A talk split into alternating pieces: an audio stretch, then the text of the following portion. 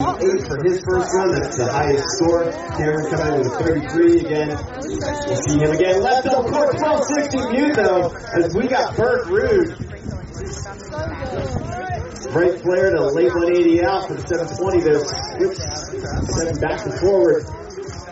Right nine tail for Birk Ruud. And the dump down the pipe flat spin for our Norwegian. Choosing tough for coming out. Birk Ruud.